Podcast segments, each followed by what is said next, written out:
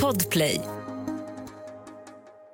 Redan nu kan du lyssna på samtliga avsnitt från den här säsongen på plattformen Podplay. Rebecka väntar på ett filmmanus. Hon är exalterad och vet att det här kan bli hennes stora genombrott. Hon ska provspela för en roll i filmen Gudfaden. Någon plingar på dörren. Hon går och öppnar. Där står ett av hennes fans. Rebecca är artig och konverserar med personen. Hon ber sen personen att inte komma tillbaka. Hennes hem är ju trots allt hennes frizon. Tiden går och Rebecca väntar fortfarande på sitt manus. Men innan manuset hinner anlända har Rebecca avlidit. Du lyssnar på Jakten på mördaren med mig, Saga Springhorn.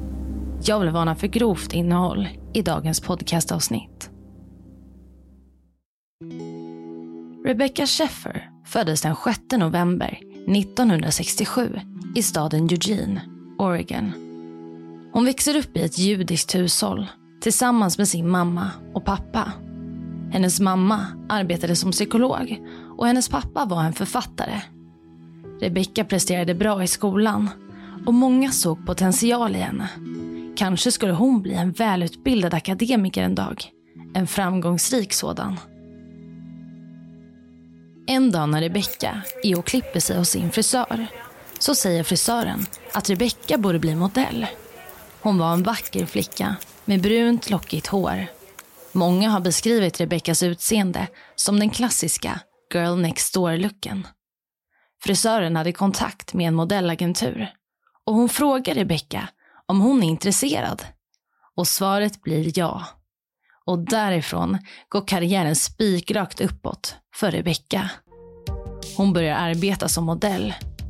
Till en början modellade hon för lokala varuhuskataloger. Därefter började hon göra tv. Hon är med i reklamfilmer, hon agerar statist i stora filmproduktioner och så vidare. Rebecca inser snart att hon verkligen älskar att stå framför kameran. Och intresset för skådespeleri, det växer sig starkare. Jobb rullar in på löpande band för Rebecka.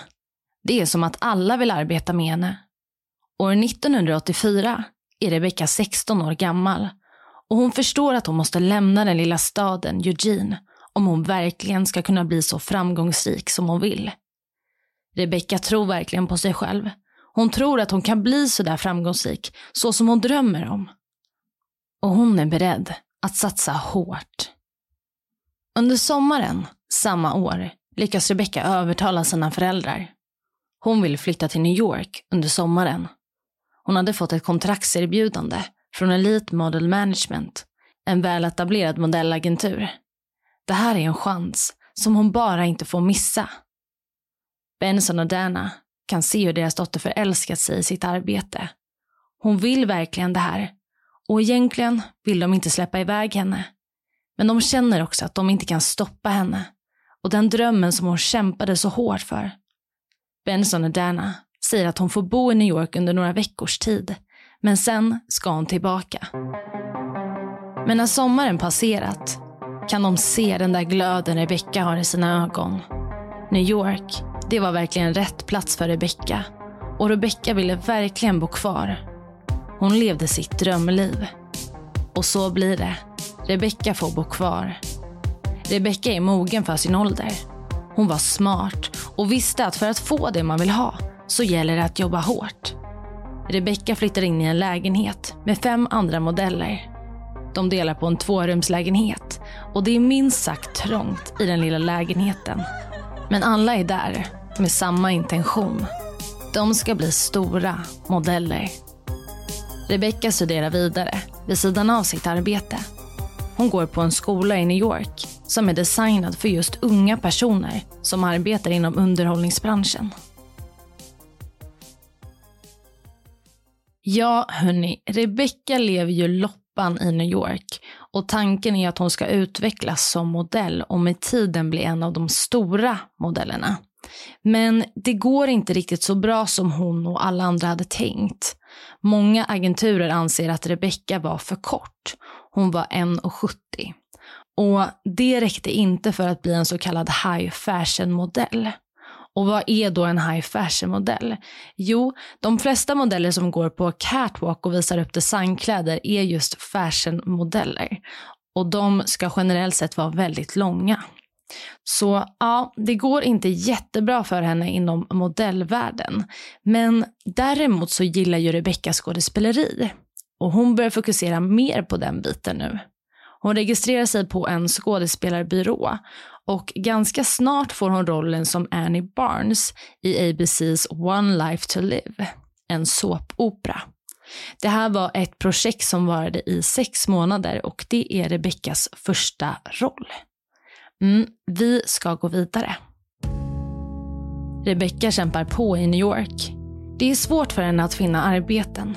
Men år 1985, när Rebecca är 17 år gammal, säger hennes agent att hon borde flytta till Tokyo. Agenten tror att Rebecca kan skapa sig en enorm karriär som modell i just Tokyo. Kanske kan modellkarriären ta fart igen. Och Rebecca satsar. Hon flyttar. Modig som hon är. Men det blir samma visa. Hon är för kort och flyttar snart tillbaka till New York. Hon fortsätter att gå på castings för olika roller.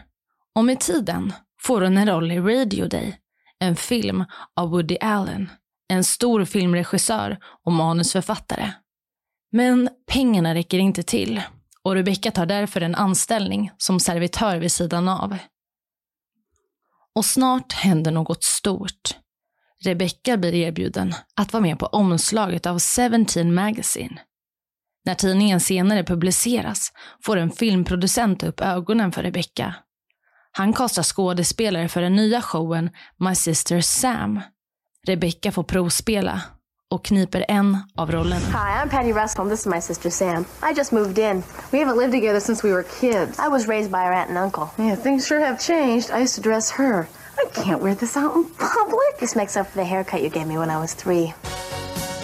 Showen handlar om två systrar vars föräldrar precis gått bort. Rebecca spelar den yngre systern, Sams syster. My Sister Sam sänds på CBS, ett av de största tv-bolagen i USA. Ett avsnitt varje vecka. Showen går bra, riktigt bra och Rebecca blir berömd. Många vet nu vem hon är. På inspelningarna är Rebecca oerhört intresserad av hur allt går till. Hon älskar hela inspelningsmiljön och hon har verkligen hittat rätt. Det var det här hon ville göra.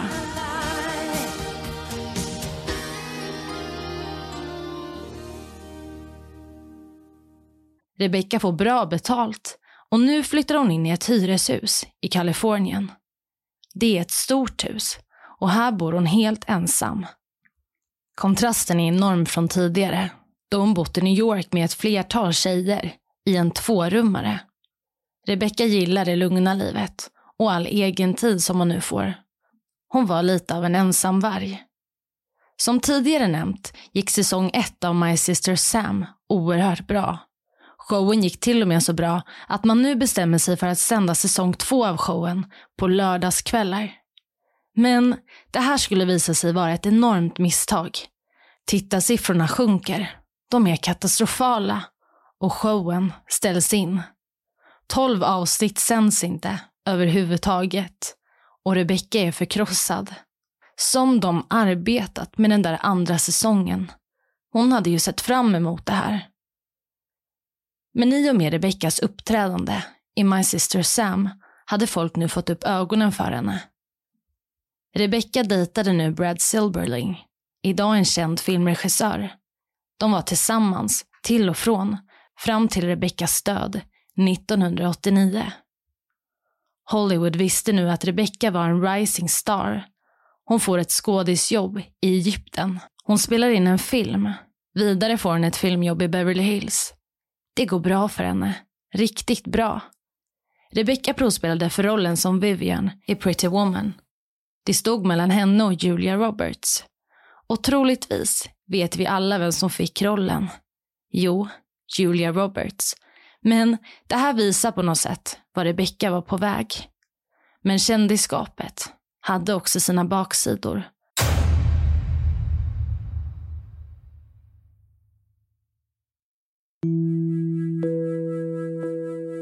Den 18 juli 1989.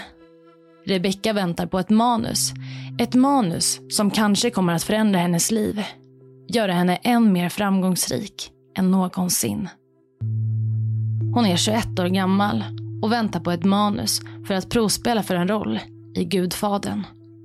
Hon skulle provspela framför självaste Francis Ford Coppola, en stor filmregissör. Rebecca är förväntansfull och vet att någon kommer att komma förbi och lämna manuset när som helst. Någon ringer på ringklockan och Rebecca öppnar. Men det är inte den där personen som ska räcka över hennes manus. Det är 19-åringen Robert John Bardo som står utanför dörren.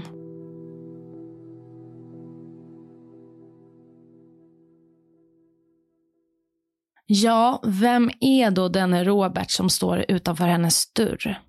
Jo, Robert växte upp i Arizona och var det yngsta syskonet i en skara av sju.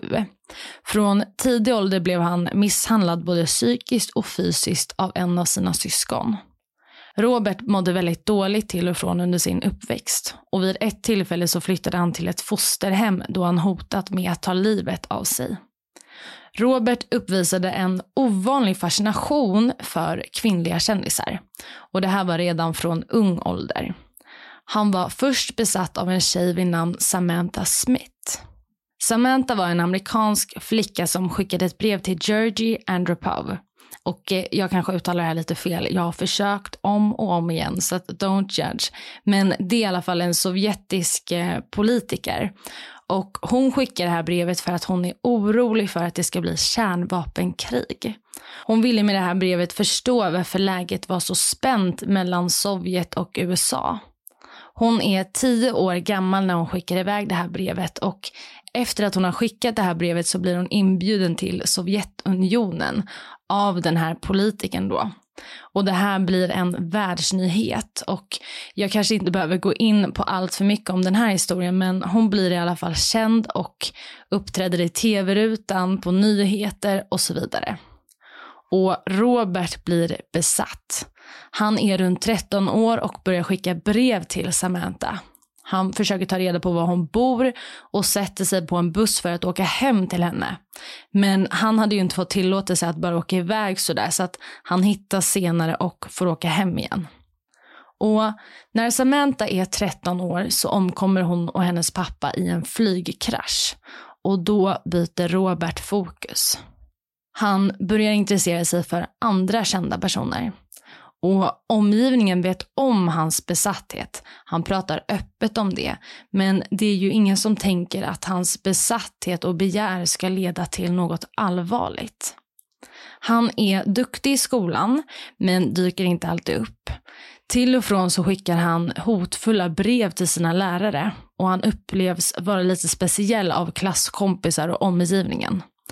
Och föräldrarna bestämmer sig för att undersöka lite hur det kommer sig att Robert sticker ut så mycket. Så de tar kontakt med vården och summa summarum så blir Robert diagnostiserad med bipolär sjukdom. Och kortfattat kan man då ha olika perioder av att vara väldigt deprimerad och nere. Och sen kan det skifta över till att man har maniska perioder då man är upprymd och allt känns nästan överdrivet bra. Ja, tillståndet ser ju säkerligen olika ut för olika personer, men det här är hårdraget och baserat på Vårdguidens beskrivning. Vi går vidare. När Robert är 16 år gammal hoppar han av skolan. Han tar arbete som vaktmästare på en restaurang. Samma år har My Sister Sam premiär och Robert får upp ögonen för showen. Och till en början blir Robert kär i karaktären Paddy som spelas av Rebecca. Han bygger ett altare för Paddy i sitt rum. Han älskade att hon var så oskyldig och vacker. Han är helt upprymd av Paddy. Men snart börjar han fokusera mer på Rebecca, personen bakom karaktären. Han skriver brev till Rebecca. Allt som hon är med i spelar han in för att kunna titta på det igen. Rebecca vill möta sina fans. Hon vill att de ska känna sig sedda och därför försöker hon svara på alla brev som hon får. Hon känner sig skyldig till att svara. Och en dag tar hon emot Roberts brev. Hon tar fram ett av sina vykort, en bild på henne själv och skriver en liten lapp. En lapp med ett standardsvar, så som hon besvarade alla brev. Hon skrev, ditt brev är ett av de finaste breven jag läst.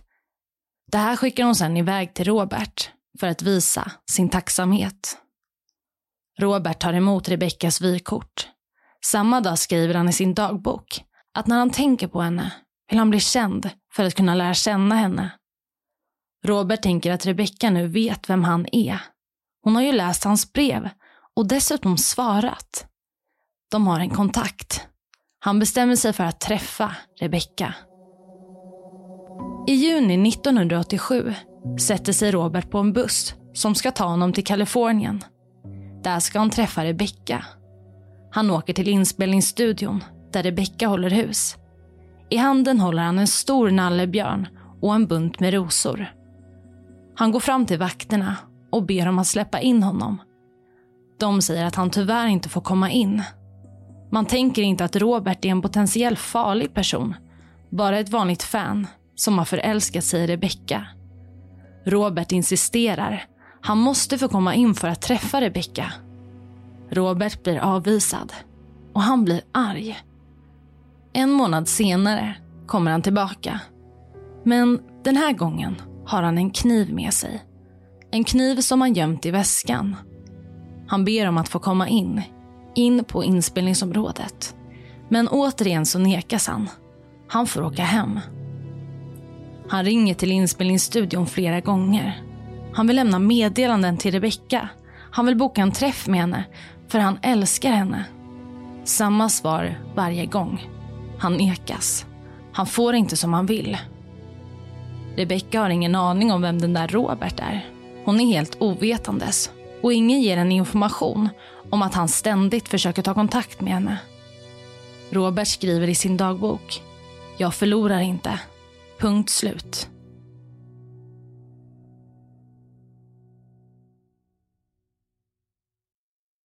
Robert har försökt så många gånger nu. Han har inte lyckats få träffa Rebecca. Under en period skiftar han fokus till andra kändisar. Madonna, Tiffany och Debbie Gibson. Kända popsångare under 80-talet. Han skickar kärleksbrev till dem. Bombarderar dem med brev. Men år 1989 skiftar han fokuset igen. Tillbaka till Rebecca. En dag ser Robert komedin Class Struggle i Beverly Hills. En film som Rebecca är med i. I know what you were doing. Willie, you need to get a girlfriend before you turn into a pervert. You mean like Frank? I filmen finns det en scen som gör Robert förbannad. Rebeckas karaktär och en manlig karaktär har en sängscen ihop. Robert blir arg och skriver i sin dagbok. Rebecca har precis blivit en av Hollywoods hora och en till av alla bitches av Hollywood. Hans oskyldiga Rebecca hade nu blivit en kvinna och det kunde han inte stå ut med. Hon skulle ju vänta på honom. Han var hennes nästa stora kärlek. Och nu skulle hon straffas för sina omoraliska handlingar. Den 17 juli år 1989 ringer Robert till Rebeckas agent. Han ber om att få hennes adress, men den lämnas inte ut. Men Robert vet att det finns folk som arbetar med att ta reda på människors adresser. Han var inspirerad av Arthur Jackson, en uppmärksammad stalker. Han hade förföljt kända kvinnor och försökt mörda en av dem. Det hade stått om Arthur i tidningarna och Robert hade läst om hur han gått tillväga. Arthur hade anlitat en privatdetektiv för att få uppgifter om kändisars adresser och det tänkte Robert nu också göra.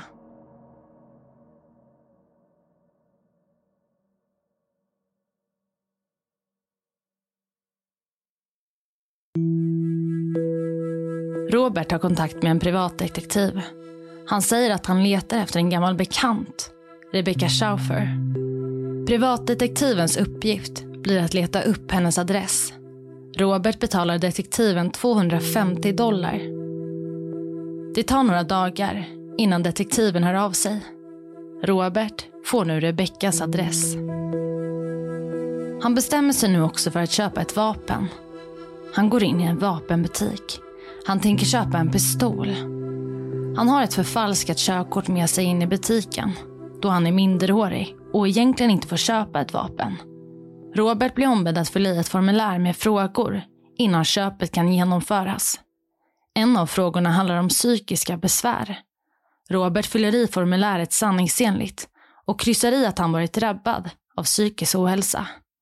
Och på grund av det nekas han att köpa ett vapen. Robert blir vansinnig.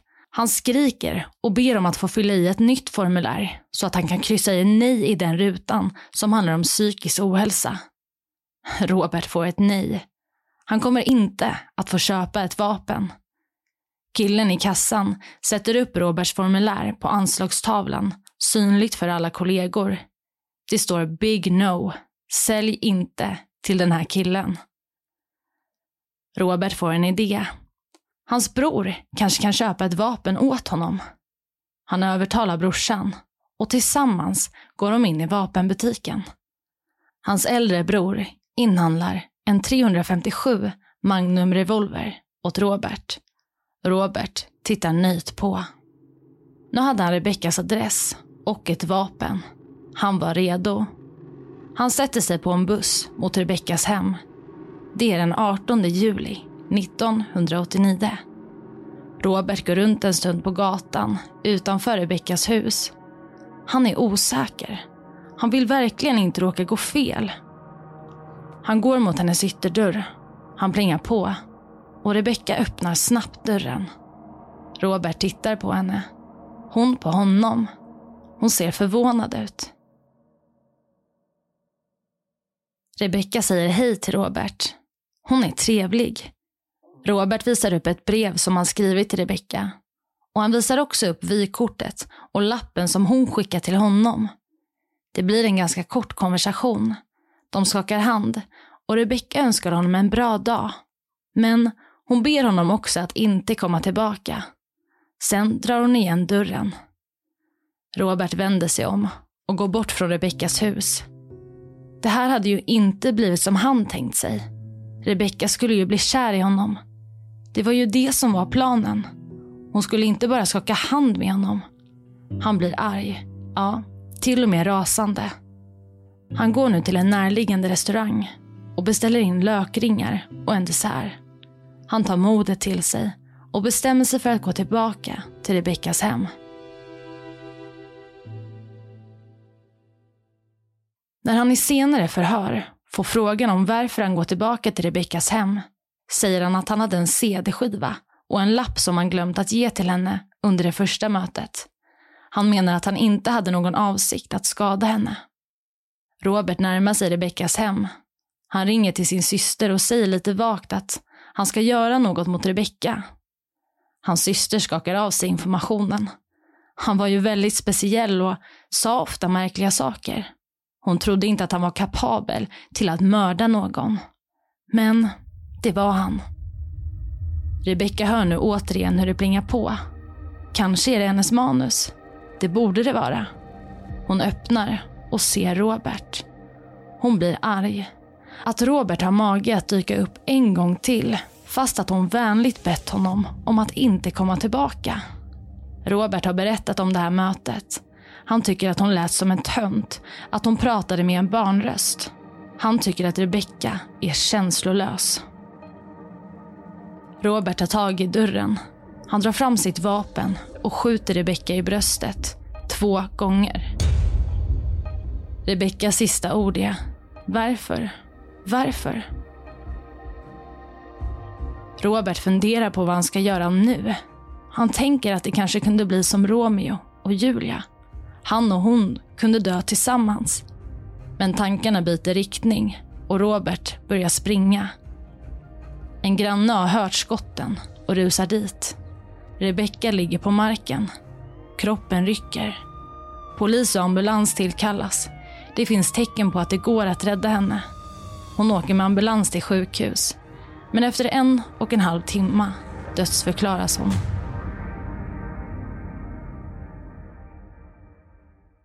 Utredningen drar igång. Man söker nu efter gärningsmannen. Dagen därpå är det flera bilister som ringer in till larmcentralen. En man springer bland körfälten och verkar göra allt för att bli påkörd. Det är Robert. Robert grips och säger till polisen att han gjort så där för att han var ledsen över att Rebecka var död. Hans ord är märkliga enligt polisen och man misstänker att Robert kanske är den som är ansvarig för hennes bortgång. Roberts syster kontaktar också polisen.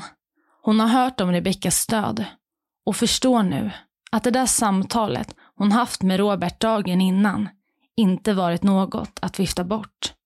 Hon förstod att det var han som dödat Rebecka. Vittnen känner igen Robert. Det är han. För tiden innan mordet hade han blivit gripen flera gånger av polisen. Han hade bland annat gått fram till tjejer på stan och skrikit på dem. Han hade förolämpat dem och hotat dem. Han var minst sagt instabil. Robert åtalas för mordet. Åklagaren menar att Robert dödat Rebecka med uppsåt. Han ska dömas till första gradens mord. Men Robert menar att han inte planerat att döda Rebecka.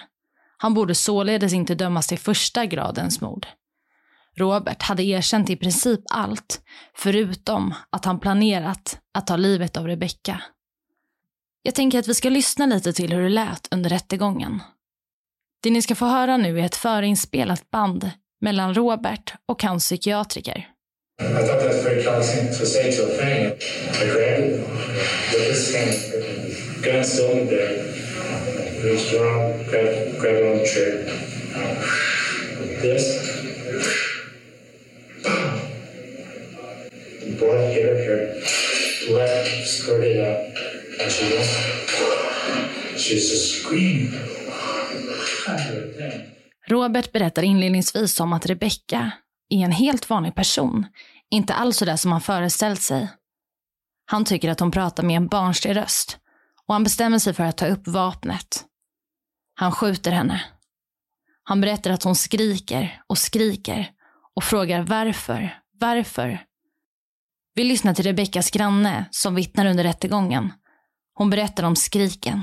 Well, actually, as I was going into the bedroom, I heard the scream. One very loud, long scream. And as I was on the phone, there were more screams. And I mentioned to the people on the phone, can't you hear her screaming in the background? Roberts bror är också i rättssalen. Det är han som har tillhandahållit vapnet och han blir nu utfrågad. To take the gun to Los Angeles with him, did you inform him of anything? Yes, I informed him of the law that transporting a weapon like that would be illegal, and I told him not to take the weapon. And did he agree not to do so? Yes, he did. Did he tell you that he was going to Los Angeles? I believe he did. And his father was, your father, was taking him to the bus station? Yes, he was. Nothing out of the norm. Nothing. Did you have any idea that he had the gun on him at the time he left? No, I did not. Ja, i oktober 1991 så döms Robert till livstidsfängelse utan möjlighet till frigivning. Han säger följande till juryn. Tanken att jag dödade hennes kändisskap är totalt löjligt. Jag förstår omfattningen av vad jag gjort. Det måste inte förstärkas av en bunt lögner för att hon är en skådis. I senare intervjuer med Robert säger han att han var ett fan av Rebecca och att han kanske tog det för långt. Men han menar också att prästen skrivit saker om honom som inte stämmer. De målar upp honom som ett monster. Han säger också att hans största önskan var att Rebecca fortfarande var vid liv. År 2007 så knivhuggs Robert 11 gånger i fängelset av en medfånge. Men på något sätt så överlever han attacken och han avtjänar fortfarande sitt straff i ett fängelse i Kalifornien. Han kommer sannolikt stanna där tills han dör. I fängelset så har Robert en sysselsättning som han gör nästan varje dag. Han målar av kändisar såsom Jennifer Aniston, Taylor Swift, men också Rebecca. Och det här är någonting som det har debatterats om att hur kan han ha rätt att sitta och måla av Rebecka när han dödat henne? Ja, det är en diskussion i sig. Under den här tiden så var det många kändisar som blev utsatta för stalking och det är det ju än idag. Men skillnaden från idag är att då fanns inga lagar som gjorde det till ett brott. Det var alltså fritt fram att staka en person. Som ett resultat av Rebeckas död så infördes det antistalkinglagar. vilket således gjorde det förbjudet att staka någon. Och det var också så att via DMV så kunde man begära ut privata personers adresser. Och det hade ju Robert kunnat göra men istället så anlitade han en privatdetektiv. Och den här privatdetektiven, det var inte så att han satte sig i en bil och började leta efter Rebecka. Nej, han kontaktade DMV och fick alltså Rebeckas adress. Och Också som ett resultat av Rebeckas död så blev det nu förbjudet för DMV att lämna ut privata adresser.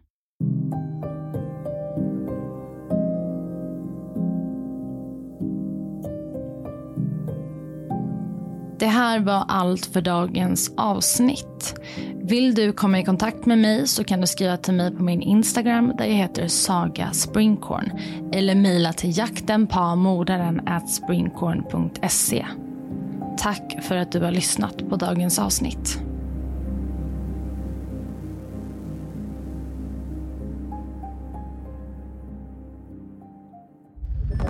Podplay, en del av